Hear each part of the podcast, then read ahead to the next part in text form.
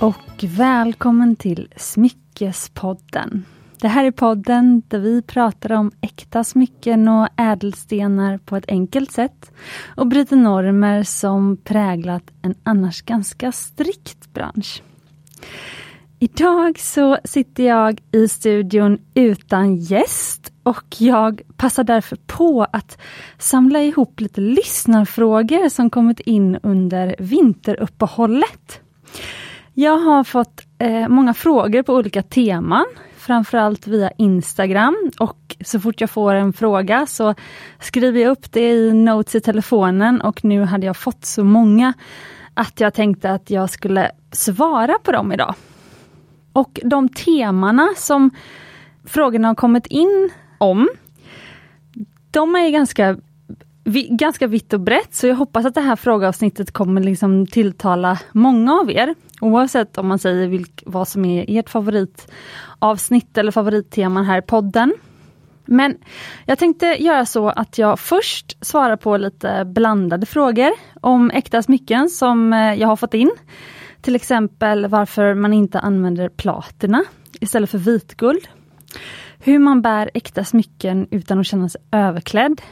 Vilka ädelstenar som passar bäst för örhängen. Om varför rekommendationer på vilka äkta smycken som är bäst att investera i kan skilja sig åt beroende på vilken smyckesbutik man besöker. Och sen så tänkte jag gå in på lite frågor om försäkring och smyckesförvaring och hur man ska göra om man vill sälja vidare smycken som man har tröttnat på. Och sist så tänkte jag svara på frågor om företagande. Hur det är att driva företag i smyckesbranschen som jag också fått in. Och Jag vet inte hur långt det här avsnittet kommer bli. Nu när jag förberedde lite grann och läste igenom frågorna igen så insåg jag att det här kommer nog bli ett ganska matnyttigt avsnitt. Men jag ska försöka att svara ganska kort och koncist på alla frågor men ändå så att det blir liksom väldigt ja, matnyttigt. Men vi har ingen tid att förlora så jag tycker att vi kör igång.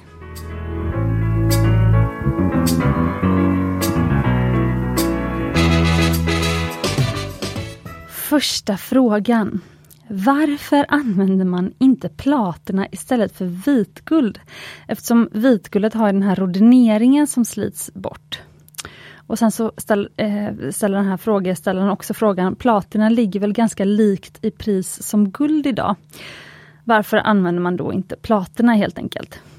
Det här tycker jag är en superbra fråga. Och mitt svar på det här, det är att de flesta guldsmeder som jag känner, de har faktiskt inte kapacitet att jobba med platina i sin studio för att det är ett så hårt material.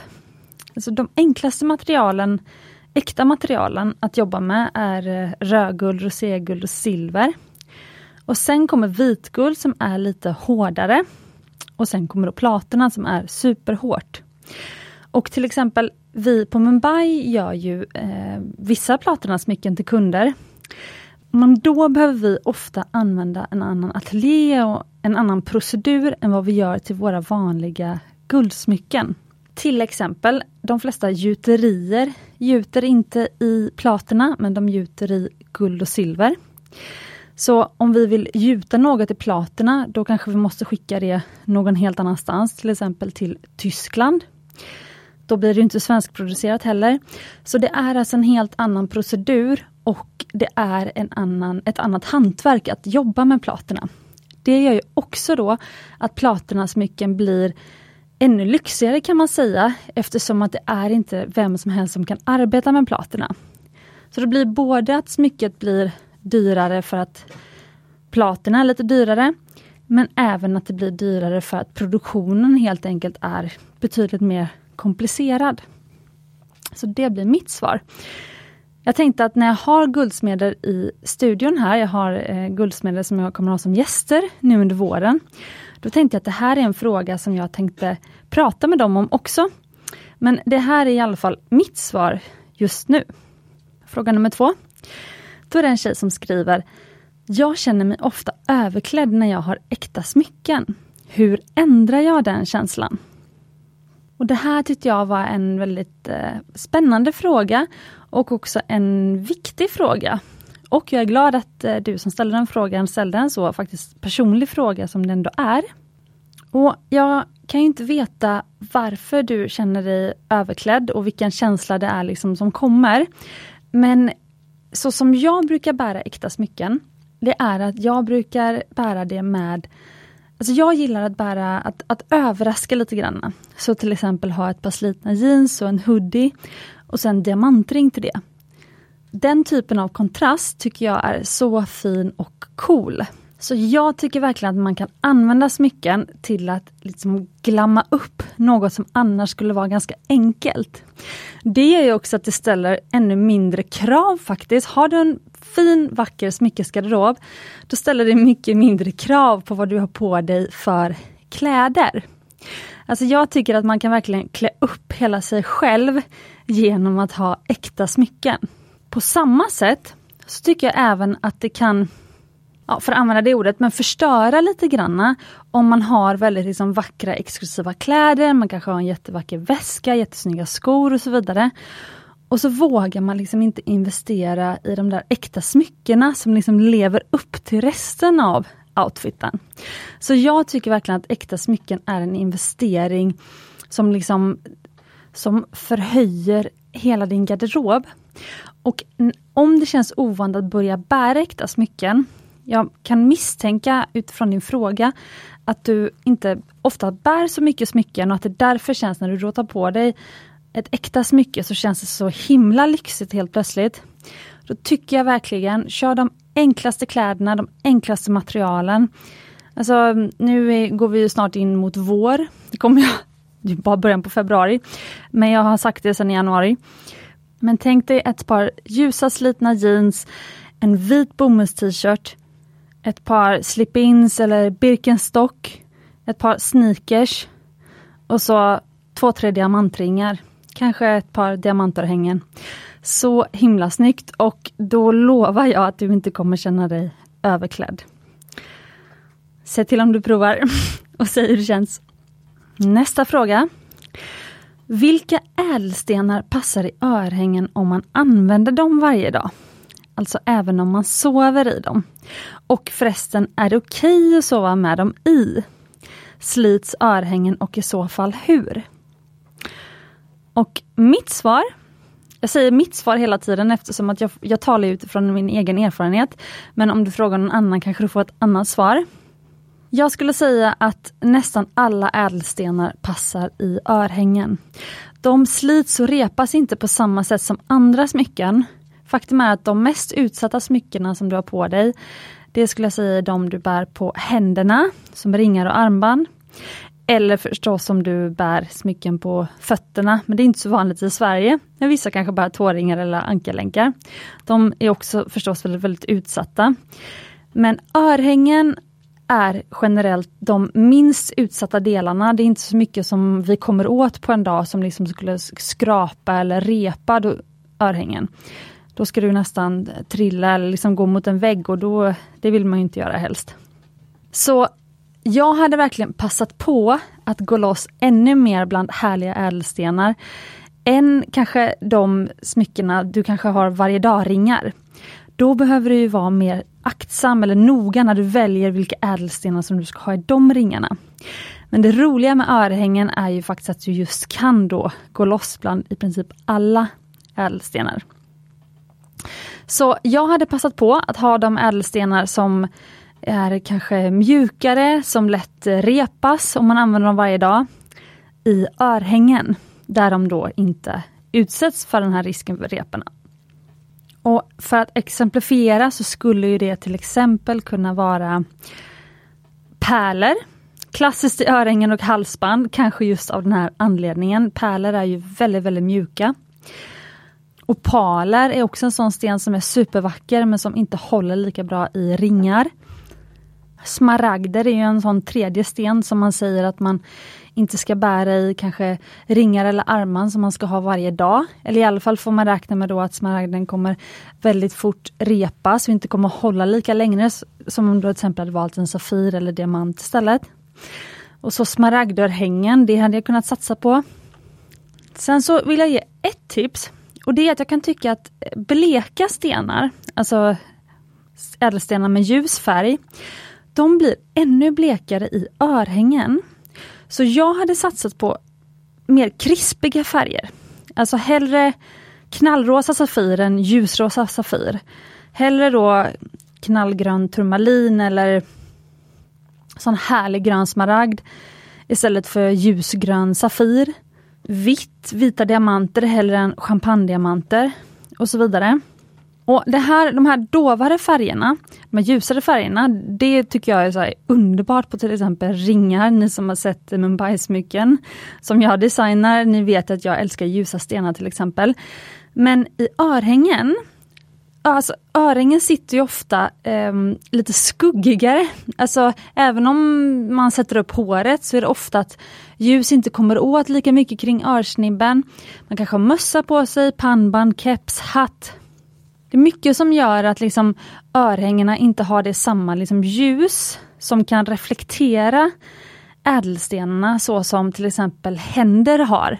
Där är det ofta att liksom man ser att det blingar. Liksom. Så att ljusa, dova stenar tycker jag kan bli liksom ännu mörkare och nästan lite så döda i örhängen. Kanske undantag för pärlor då, för de är ju så skimrande i sig själv. Men just ädelstenar, då hade jag hellre satsat på krispiga färger än dova färger. Och Det här med att sova med örhängen. Det verkar som att vi har olika örsnibbar. Jag sover ju alltid med örhängen. Och sen så har vi dem till exempel Kina som ni kanske hörde i förra, avsnittet. Hon sover absolut inte med örhängen. Hon älskar örhängen men hon sover absolut inte med dem för hon tycker det är så obekvämt. Så det tillhör liksom hennes morgonritual att sätta på sig örhängena på morgonen och glömmer hon det då vill hon nästan åka hem och vända. Så att, att sova med örhängen, det skulle jag säga är en smaksak snarare än en kvalitetssäkring. Alltså, jag har aldrig hört om någon som har sovit sönder sina örhängen på sin mjuka kudde. Så det verkar snarare vara tycke och smak. Om någon lyssnare har sovit sönder sina örhängen så får ni gärna höra av er på Instagram. Nästa fråga. En tjej skriver Jag har en gång i tiden samlat på slipade ädelstenar och har kvar dem än idag. Jag undrar om det blir billigare att lämna in stenar och få ett smycke gjort eller om det är bättre att köpa ett färdigt smycke med stenar. Och här är ju ett tips absolut att ta med dig dina ädelstenar och gå till en guldsmed. Prata med honom eller henne och be att få ett quote. Vissa guldsmeder älskar att arbeta med kunders gamla stenar och vissa gör det inte alls. Utifrån min egen erfarenhet med eh, mitt smyckesmärke Mumbai som ju dels har liksom en produktion av kollektionssmycken men vi gör ju även en del eh, custom made för kunder. Det är sällan det blir billigare att använda en kunds egen sten om det inte är så att det är en otroligt stor dyr diamant. Jag kan göra undantag för vissa smycken som har, eller vissa kunder som har smycken som liksom gått i arv i släkten. Till exempel en kille som kom till mig och ville fria med en släktsten som hade suttit i ett halsband. Och det var en, en diamant som var många, många karat. Den var över fem karat stor. Och det är ju en sten som man absolut måste, alltså det är ju liksom vi som jobbar med, med guldsmed och, och produktion, Alltså det är ju vårt ansvar att ta hand om de här stenarna och låta dem få leva vidare i liksom vackra smycken. Så vi gjorde en förlovningsring som jag tyvärr inte kunnat visa upp eh, någonstans, inte ens på Instagram på grund av försäkringsskäl och så vidare. Alltså för kunden ville inte det, så då gjorde jag, gjorde jag inte det. Men, eh, men den ringen, den förlovningsringen är helt fantastisk och det är ju verkligen gjord av en sten som gick i arv då såg jag till att jag, att, eh, liksom, jag fick certifikatet av honom, att jag visste precis vilken sten det var. Vi hade en speciell försäkring och så vidare när vi arbetade med den. Det var ju en väldig procedur och den typen av sten kostar ju så otroligt mycket att köpa in. Att det är ju självklart att det blir billigare för kunden än att köpa en ny sån stor diamant. Men det här är ett undantagsfall och de allra, allra flesta som har kommit till mig genom åren med liksom gamla stenar som man vill sätta i nya smycken. Då kan det vara stenar som sitter, det kan vara en gammal alliansring som man har ärvt som man inte riktigt gillar. Och eh, så vill man göra om det till en ny alliansring. Och så kanske stenarna är bara några millimeter stora. Och då är det faktiskt i princip dyrare att i vår ateljé ta ur alla stenar, kolla så att de liksom är fina, kolla så att de inte har liksom spruckit någonstans så man kan använda dem igen. Och sen så fatta in dem i det här nya smycket som man vill göra. Alltså då är det billigare att köpa in nya stenar. Vi vet var de kommer ifrån. Vi har kontrollerat vår, vår källa så att säga. Vi har liksom kollat så att vår liksom inköpsprocess har varit bra och att stenarna kommer från bra ställen. Det kan vi inte garantera med kunders gamla stenar. Så liksom på många olika sätt så är det mycket bättre att eh, den som producerar smyckena, som i det här fallet vi då, att vi, vi har hand om vår egen produktionskedja så att säga. Det blir billigare för kunden eh, och det blir också liksom mer etiskt korrekt för oss. För de allra, allra flesta också har ju då kanske inte så gamla smycken, så det är liksom inte ett smycke som är liksom 100 år gammalt. Utan det här är ett smycke som man kanske, kanske är en ja, för, man har brutit en förlovning och så förlovade man sig för tio år sedan och den ringen kanske kommer från ja, en vanlig smyckesbutik ute på stan, utan att nämna några namn.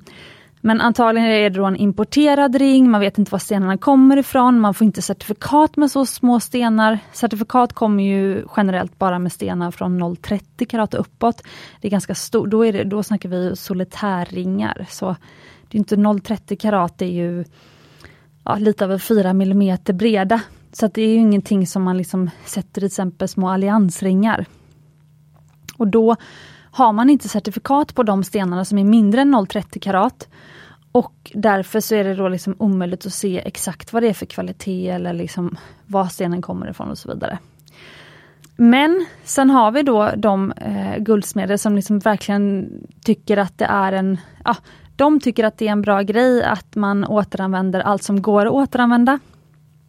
Och de tar sig gladeligen an den här typen av uppdrag. Då kanske de kommer överens med kunden eller med dig då att eh, om stenarna går sönder då är det din risk. Du kanske får skriva på något papper att om, om stenarna skulle gå sönder i processen så kan inte guldsmeden ta ansvar för det och så vidare. Så Det kan vara sådana grejer som ni liksom måste komma överens om först då. Men eh, nu har du fått veta lite vad hur, hur jag och mitt företag gör och sen så också att det ändå, du kan gå till någon guldsmed och kolla. Det skulle vara mitt tips. Nästa fråga. Vilket C tycker du är viktigast? Och hon syftar då på vilket av diamantens fyra C som jag tycker är viktigast. Och de fyra C är alltså färgen, som är color, karat, slipningen, cut på engelska, så ett till C, och klarheten som heter clarity på engelska. Och Jag har ju pratat om diamantens 4C i flera poddavsnitt. Men för dig som inte hört dem så handlar alltså diamantens 4C om det är fyra kvalitetsgraderingar på en diamant som faktiskt bestämmer vad du behöver betala för den. Och det är de fyra sena som avgör om en diamantring eller diamanthalsband och så vidare kostar 5000 kronor eller 5 miljoner kronor vilket diamanter kan göra. Så man kan säga att de fyra sena de bestämmer allt som har att göra med priset på en diamant. Och vilket C som är viktigast för mig, det beror ju dels på vilket smycke som jag ska ha den här diamanten i och dels vilken form på slipning som jag vill använda. Alltså en rektangulär diamant till exempel, som en smaragdslipad diamant, den ser man rakt igenom. Så där blir klarheten mycket viktigare än i en rund diamant, briljantslipad, som har så många facetter på ytan att den gnistrar så mycket att man, man kan knappt se de inneslutningar som finns kan man knappt se ändå med blotta ögat. Men jag kan säga så här att jag gillar ju stora stenar och ju längre jag jobbar med det jag gör desto mer älskar jag stora ädelstenar i alla former.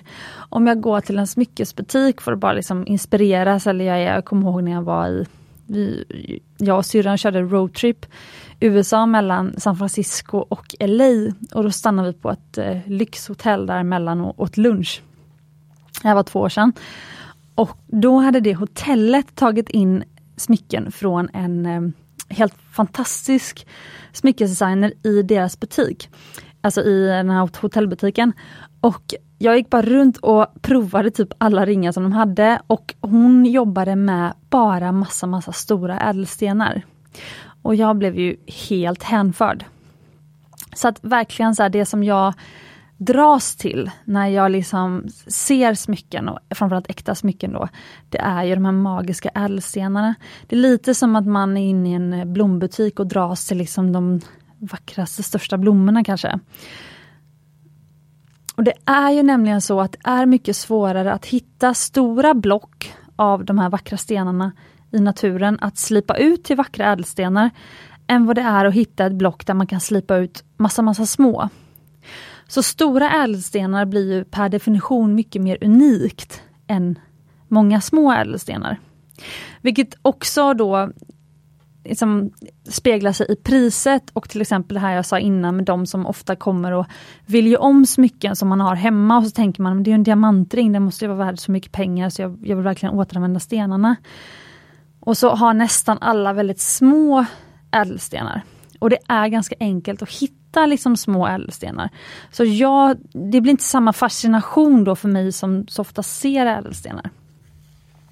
Så att då karaten som är vikten på en ädelsten, ju högre karat desto liksom större ädelsten är det ju. Karaten tycker jag då är liksom ett så fascinerande se. Men sen gäller det då att väga för och nackdelar med de andra stenarna.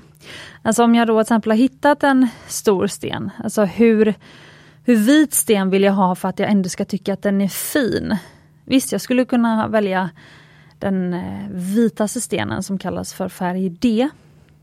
Det är den vitaste diamanten. Men då blir den ofantligt dyr. Och alla har vi ju ändliga resurser. Så vill jag lägga så mycket pengar för en sten, en, en så vit sten, som kanske ändå ser nästan likadan ut som om jag går ner två steg till F eller går ner tre steg till färgen G. Så det blir liksom en avvägning, även jag gör ju samma avvägning som, som du gör. Alltså det här med liksom, vad vill jag lägga för den här stenen? Och sen så handlar det om vilken slipning är det, hur mycket vill jag den ska gnistra och så vidare. Men eh, det får nog bli lite från fall till fall så att säga. För ofta också när man hittar en sten, då kan det faktiskt vara att man blir kär i just den stenen. Och då spelar det kanske nästan ingen roll vad liksom den officiella kvalitetsgraderingen säger, för jag har bestämt mig för att det är min sten i alla fall. Sen har vi en intressant fråga som kom av, faktiskt ställdes av en kund som besökte vårt showroom i helgen. Alltså Mumbai Stockholms showroom, inte Smyckespodden har tyvärr inget showroom. Men hon hade varit runt i många smyckesbutiker innan hon kom till oss. Och så frågade hon hur hållbart det är med tunna band, alltså ringband. Och vissa typer av ädelstensfattningar. Och i de här, på de här olika ställena där hon hade varit runt så hade hon fått olika rekommendationer. Och vissa ställen sa att till exempel på alliansringar, eller evighetsringar, så är det inte bra att ha stenar hela vägen runt, för då sliter man på dem. Så hon undrade varför skiljer sig de här rekommendationerna åt? Och det tyckte hon var förvirrande. Och återigen, jag kan bara prata ur egen erfarenhet här. Speciellt när det gäller kvalitetsfrågor. Då tycker jag att det är, jag har hållit på med det här i sju år, alltså att jag producerar smycken i sju år. Och jag det är väldigt svårt att svara för alla. Jag kan bara svara för mina smycken och jag kan svara för min erfarenhet av alla de som bär smycken som är gjorda hos oss. Och även min egen erfarenhet av att bära egna smycken. Men av alla mina egna Eternity Bands, alltså evighetsringar, alliansringar, jag har ju massa för jag älskar dem. Alla mina är hela vägen runt. Och jag har ju självklart testat att ha bara några stenar, halva vägen runt, tre fjärdedels äh, eh, runt och hela vägen runt. Och grejen med alliansringar tycker jag är att anledningen till att jag tycker att de är så otroligt sköna att ha på mig, det är för att jag behöver liksom inte titta ner på mina ringar. Till exempel som idag, då har jag på mig armband och sen har jag faktiskt bara på mig en liten alliansring med markisslipade diamanter. De här som ser ut som en eka eller ett öga. Eh, en sån alliansring på lillfingret och det är min enda ring jag har på mig idag faktiskt. Och Anledningen till att jag tog på mig den var för att jag kände att nej men just nu så, ja men jag är gravid och fingrarna får lite olika storlekar på olika dagar. Och eh, jag kände att så här, nej men jag vill bara ha en ring jag har på mig som liksom för att eh, ja, det är min identitet. Jag vill inte gå ringlös. Men jag vill ha en enkel ring som jag inte behöver tänka på och som jag tycker är fin. Då tar jag alltid en alliansring. Den ser lika fin ut hur mycket den än snurrar runt fingret. Sen vet jag att vissa tycker att det är fint när den snurrar till och så ser man bara guldet och så ibland så snurrar den till och så ser man bara eh, diamanterna eller stenarna om den är halvtäckt. Men jag vill att det ska vara hela vägen runt för att då liksom ser man alltid stenar. Det spelar ingen roll hur mycket den snurrar på fingret. Och ringar snurrar alltid. Det spelar ingen roll vilken, att man har en perfekt, perfekt storlek för att ringar snurrar. Händerna, man använder ju händerna hela tiden.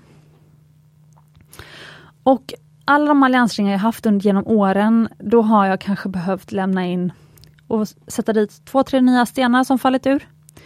Av alltså hundra, hundra, hundratals stenar som sitter i mina alliansringar.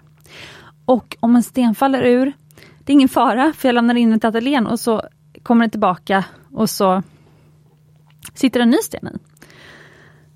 Men däremot så har jag faktiskt sett de mest underliga skadorna på ringar som inte är alliansringar, som ska hålla. Alltså kunder har kommit till oss och de har lämnat in ringar som har helt böjda, deformerade ringband. Det var någon som hade, där hennes ring hade fastnat i en dörrkarm och den var helt deformerad. Och någon annan hade slagit av hela sin stora steninfattning. Hon hade en solitärring, hon hade slagit av hela fattningen.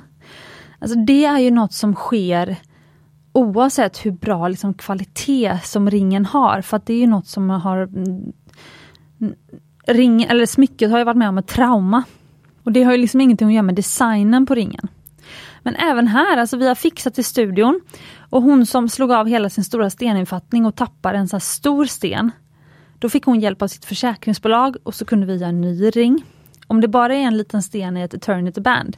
Så som sagt, nu har ni lärt er att så små stenar liksom kostar inte så mycket så att det kan man liksom ersätta. Det bjuder vi på utan, utan kostnad.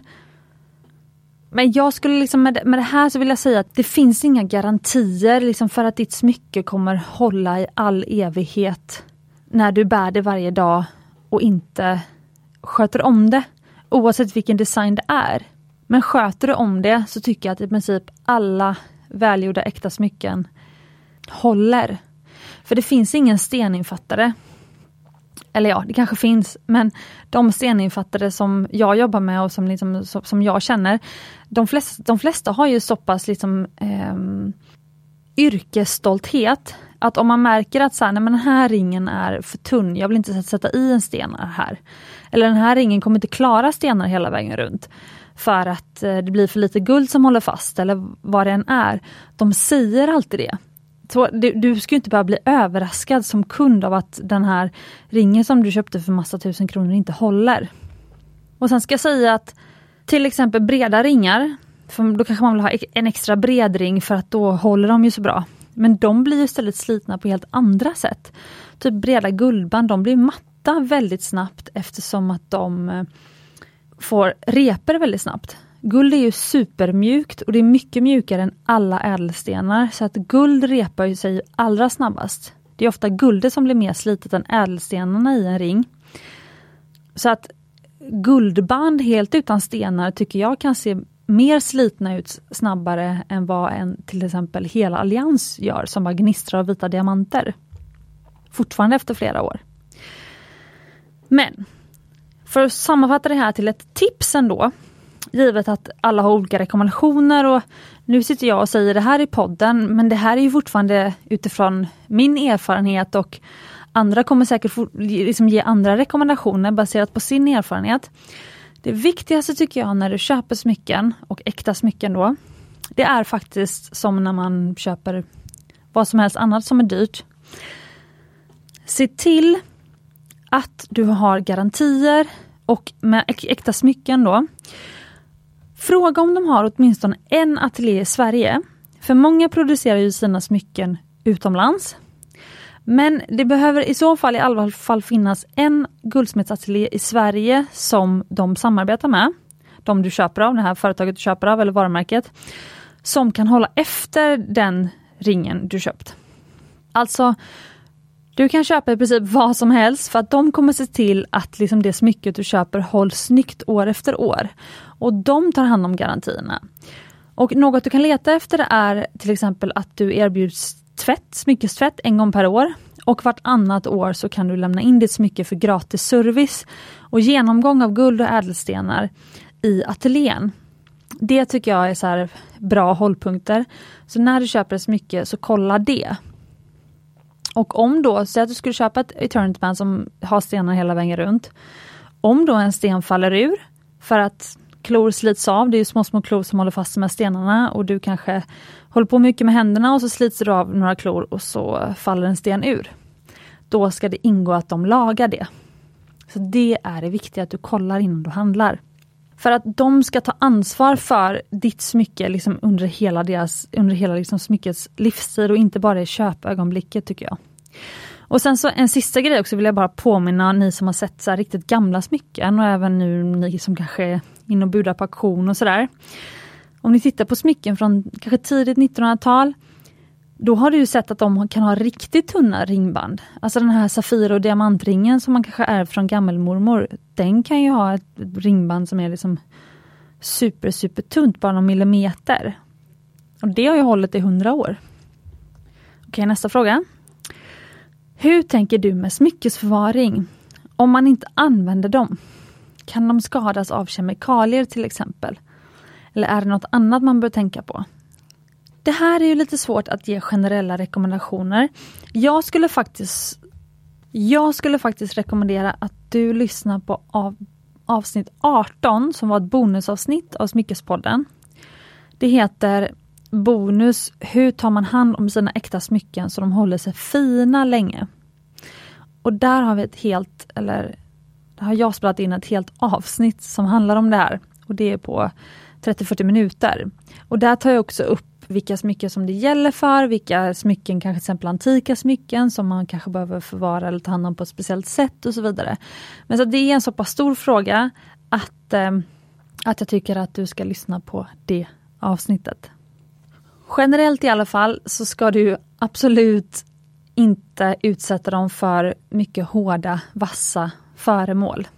Alltså lämnar du din ring i väskan till exempel, då kommer ju guldet repas av nycklarna. Ädelstenarna kanske kommer hålla, men guldet repas ju liksom väldigt lätt. Så att Behöver du ta av dig smyckena under dagen, ha alltid med en liten smyckesask. På sängbordet, ha dem gärna på något mjukt. När du packar smyckena för att resa iväg, packa dem gärna liksom separat i smyckesetuier, alltså ringar. Du lägger inte alla liksom ringar i en eh, liksom liten eh, tygpåse och så får de ligga där och skava, skava mot varandra, utan du kanske har ett sånt travel case som man har för smycken där du sätter liksom en ring i varje skåra till exempel. Men lyssna på avsnitt 18. Nästa fråga. Hur tänker du kring försäkring av lite dyrare smycken?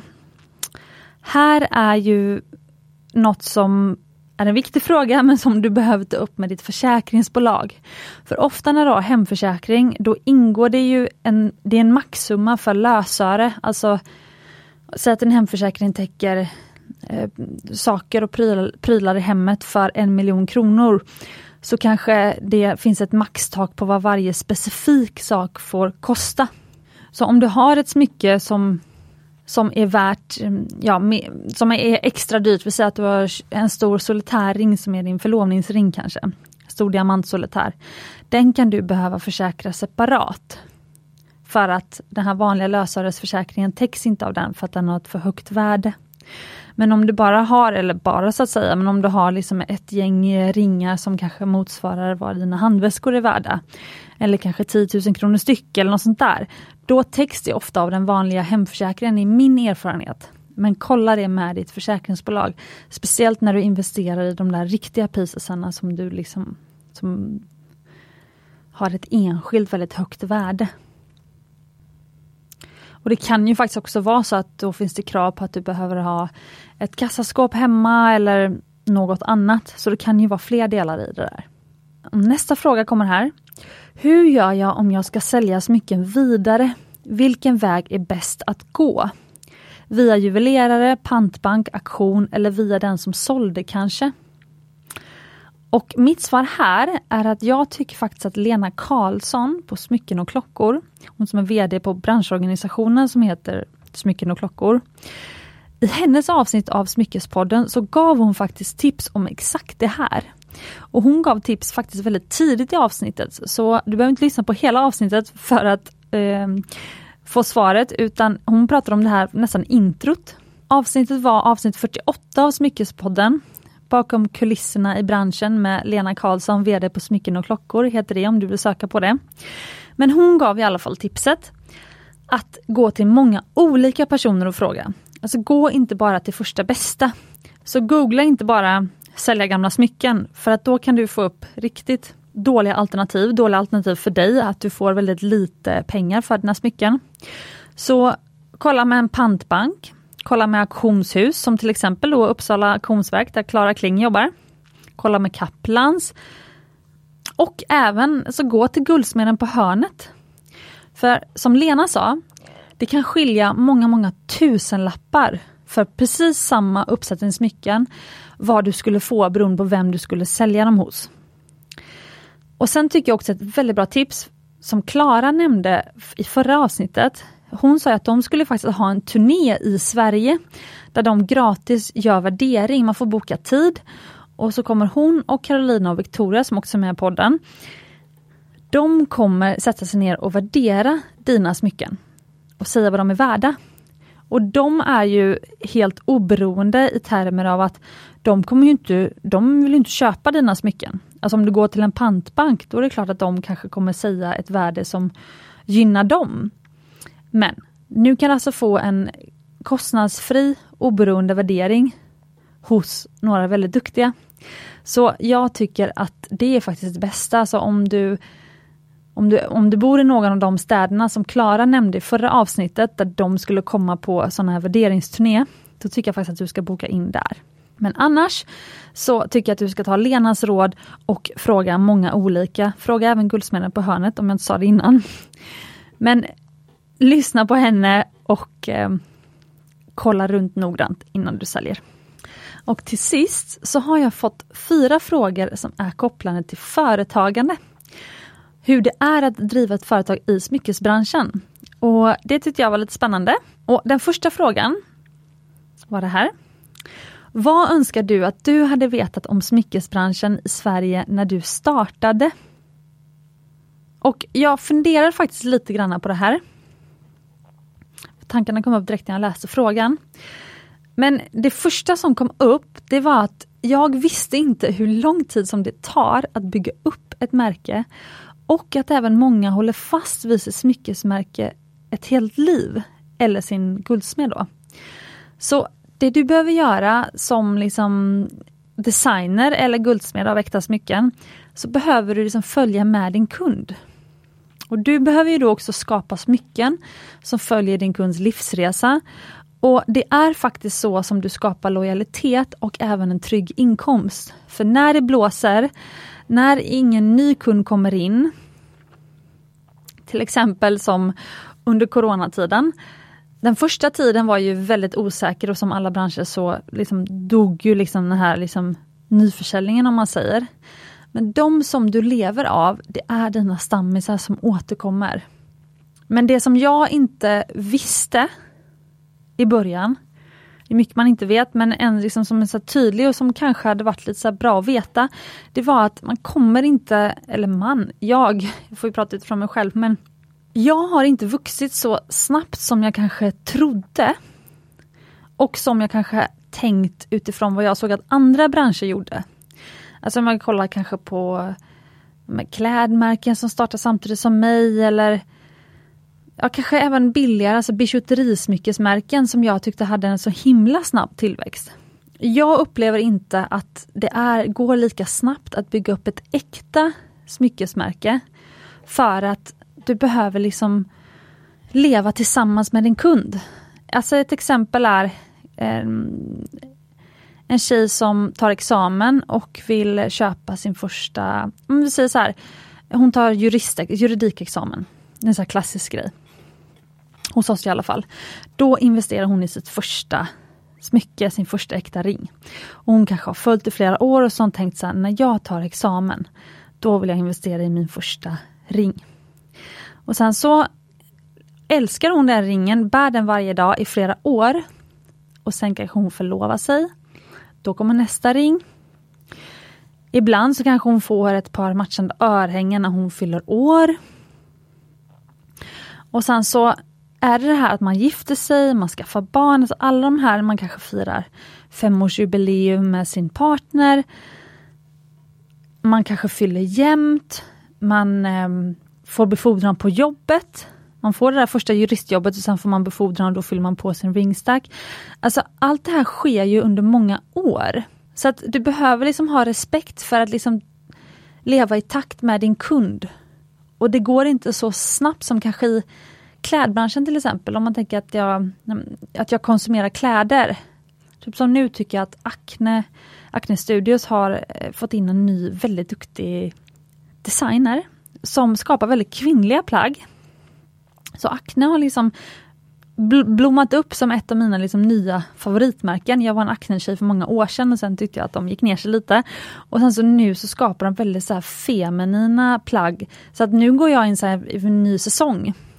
För i, i somras var jag inne och så köpte jag upp en på lite nya kläder. Och sen så nu när jag var, blev lite sugen på så här, men vad har kommit in i vårsäsongen? Då gick jag in på Acne och kollade så här, okej okay, men det här vill jag liksom investera i nu till liksom de här tre plaggen till våren. Och så att det blir liksom fler fler köp på ett år när det handlar om då kanske liksom favoritmärken på kläder än vad det, vad det är när det handlar om liksom äkta smycken. Så man behöver nog större tålamod i den här branschen tror jag. Hoppas det var en bra fråga. Jag, kände, jag vet inte om jag svävade ut för mycket. Fråga nummer två. Vad önskar du att du hade vetat om smycken när du startade? Då kan jag säga så här att jag är glad att jag inte visste så mycket. För det gjorde att jag kunde designa precis sådana smycken som jag ville bära utan att bry mig om de här gamla normerna och traditionerna som jag pratar om i, mitt, eh, i min lilla jingelintro varje avsnitt i början. Eller hur liksom saker och ting ska vara eller ska se ut så att säga. Alltså om jag hade vetat till exempel att det enklaste sättet att sälja och tjäna pengar på att ha ett äkta smyckesmärke, det är förlovningsringar och vigselringar. Då antar jag att då hade det varit det som jag fokuserade på från början. Men då hade ju verkligen inte Mumbai sett ut så som det gör idag. För jag blev ju kär, jag började med ankellänkar, sen armband, sen ringar, sen färgglada ädelstenar. Alltså det var inte alls det som liksom var det traditionella när man startar liksom, eller som en guldsmed som startar. Då kanske man börjar med de här liksom diamantringarna för man liksom vet eh, liksom, sen när man gick som lärling att det är ju förlovningsringarna som man liksom tjänar pengar på. I princip. Jag ska prata om det här också med, eh, jag har en guldsmed som kommer hit nu om ett par veckor och då tänkte jag faktiskt prata lite grann om det här med henne. Men jag tycker att de som verkligen så gör avtryck i branscher, alltså den som startar bageri utan att kanske tidigare varit bagare, den som jag startar smyckesmärke utan att tidigare ha liksom erfarenhet i smyckesbranschen. Alltså det är då ofta liksom händer liksom häftiga grejer. Så jag tror inte att man alltid ska veta så mycket. Eller i alla fall inte bry sig om det man vet. Så fråga nummer tre. Vilka misstag gjorde du som företagare det första året? Och det första året så gjorde jag väl inget misstag så tycker jag inte. Alltså jag hade ett annat heltidsjobb och eh, alltså, testade mig bara fram med att designa och sälja smycken. Och sen var det ju när jag hade drivit Mumbai ett och ett halvt år, då sa jag ju upp mig. Och det var ju då jag började driva företag på riktigt kan man väl säga. Men sen då när jag sagt upp mig och skulle driva Mumbai på heltid och skulle liksom bygga upp ett så ordentligt företag. Då hade jag väldigt svårt att få kontroll på min ekonomi. Jag tror det här är klassiskt bland egenföretagare, jag vet inte riktigt. Men varje månad så var jag stressad för att betala liksom nästa månads eh, fakturor. Jag hade ingen liksom bra översikt över inkomster och utgifter. Och så, jag klarade mig ju alltid. Jag behövde faktiskt aldrig ta banklån eller något sånt där. Men det tvingade ju mig, den här stressen att så här, oj oj, nu kom det in en till faktura. Det tvingade ju mig att liksom hela tiden sälja mer, fokusera på försäljning, försäljning, försäljning. Vilket ju också är det svåraste. Alltså oavsett vilken bransch du är, är ju, om man tittar på all statistik bland företag som startas varje år och sen, om man säger går i graven, så är det för att de inte säljer tillräckligt, tillräckligt mycket. Så det här att jag liksom är lite av en slösa och en drömmare. Det här att ah, men nu vill jag designa det här, eller jag vill köpa in den stenen eller ge bort det här smycket till en influencer eller vad det är. Som om man hade gjort en budget på det så hade man sagt så här, nej det har du inte råd med. Men så gjorde jag det i alla fall. och sen så var det så här, oj, men nu måste jag ju sälja något så jag får in pengar så jag kan betala det här. Alltså det, det gör ju att Mumbai växte väldigt liksom bra ändå. Och det, och det, liksom, det har ju vuxit i försäljning, liksom, inte varje månad men i alla fall varje år. Så, så att man måste ju ha den här kniven mot strupen. Men jag ska säga det, alltså efter några år, då orkar man, jag, inte med den här liksom ekonomiska stressen. Alltså jag tror i alla fall som egenföretagare, då kan man väldigt lätt bränna ut sig och gå in i väggen genom att inte ha koll på sin ekonomi. Och någonstans där, efter några år, så blev jag så himla trött på att liksom den här, ha den här ständiga ångesten. Så då satte jag mig bara ner med siffrorna. Jag började bena ut alla inkomster och utgifter. Jag blev noga med att alltid ha en buffert, inte spendera för mycket. Alltså jag började följa upp resultaträkningen, alltså räkna ihop sista raden på inkomster och utgifter varenda månad. Jag började kolla av lagersaldot varje månad, för innan kanske jag kollade upp lagret en gång per år när, man, när det var dags för bokslut. Men lagersaldot måste du också ha koll på för att du måste veta vart pengarna tar vägen. Och här tycker jag att din bokförare, alltså ta hjälp av din bokförare. Många har ju en bokförare som i alla fall gör den löpande redovisningen under månaden. Och en grej som man kanske tänker när man är egenföretagare och, och liksom tar hjälp av en bokförare, så kanske man, man betalar 5 till 10 000 per månad för att liksom få hjälp med den löpande bokföringen och då tänker man att ja, men den personen kommer ju säga till hur det går. Men den personen kommer inte göra några ekonomiska analyser åt dig. Utan du får ju be den om jag vill ha resultaträkning varje månad. Se att den går plus. Lägg undan lite av de pengarna Se till att den personen har koll på alla skatter. Se till att det finns ett, ett, ett konto som du inte ser där den personen lägger över pengar så du kan betala momsen. Se till att momsa liksom varje månad helst eller varje kvartal. Gör inte misstaget som jag gjorde i början, att momsa en gång per år. Alltså så den här ekonomiska biten är så himla viktig och det är verkligen där som jag tror många, många, många går bet och det är där många, många liksom fallerar. Men om du vågar ta itu med de där siffrorna och inte blunda för dem. Alltså det är ju sån ångest, jag kommer ju ihåg det. Men bara ta dig igenom det så kommer du må så mycket bättre sen och du kommer sova så mycket bättre på kvällen. Och jag ska säga att det här är något som jag gör än idag förstås. Det är knappt så jag, jag tänker inte ens på det längre men jag, jag kom på det nu när jag fick frågan. Um, men att jag kollar ju av resultaträkningen, uppdaterar lagersaldot, alltså vi gör allt sånt i slutet av varenda månad. Och om jag märker att, men, vad var det som hände den här månaden? Eller jag kollar också av varje vecka, hur gick försäljningen? Jag har en siffra varje vecka som vi behöver nå upp till i försäljning och gör vi inte det, då får vi hitta på någonting. Ja, ska vi ha någon giveaway på Instagram? Ska vi ha något samarbete med någon? Eh, behöver jag skriva någon nyhetsbrev med någon där jag behöver pusha för någon ny produkt? Alltså, det är så vi jobbar i företaget. Vi tittar på hur har försäljningen gått och om vi inte nått upp till den försäljning vi behöver ha, vad ska vi göra då för att nästa vecka, nästa månad ska gå bättre? Så att hela tiden det här att ha i tanken att liksom varje vecka, varje månad ha koll på vad du säljer. Så jag ska faktiskt säga det att det här med budgetar, jag har försökt ha budgetar, men jag tycker inte att det riktigt funkar. Alltså det här med att nej, varje månad ska jag produktutveckla för exakt den här summan. Jag vet inte om jag är för kreativ, ostrukturerad men jag går ju mycket på känsla. Vissa månader så har jag jättemycket inspiration och designar och produktutvecklar mer och vissa månader gör jag inte det. Men det gör att liksom, jag kan inte hålla mig så till sån som jag lärde mig när jag gick på Handels, att man skulle ha väldigt specifika budgetar varje vecka, varje månad. Utan lär du dig ditt företags ekonomi så vet du hur mycket du har att spela med. Du har pengar eh, som buffert att ta av och du kan liksom, vad ska jag säga, dansa med företaget mer. Jag vet inte om det var en bra förklaring. Men jag tycker det är lite som att dansa. Ett steg hit, ett steg dit och så går man lite på feeling fast man måste liksom ändå alltid ha koll på att man liksom dansar i takt. Ja, jag vet inte om det gav en bra bild. Okej, sista frågan. Herregud vad länge jag har pratat. Vad har du själv för drömsmycke att äga och bära?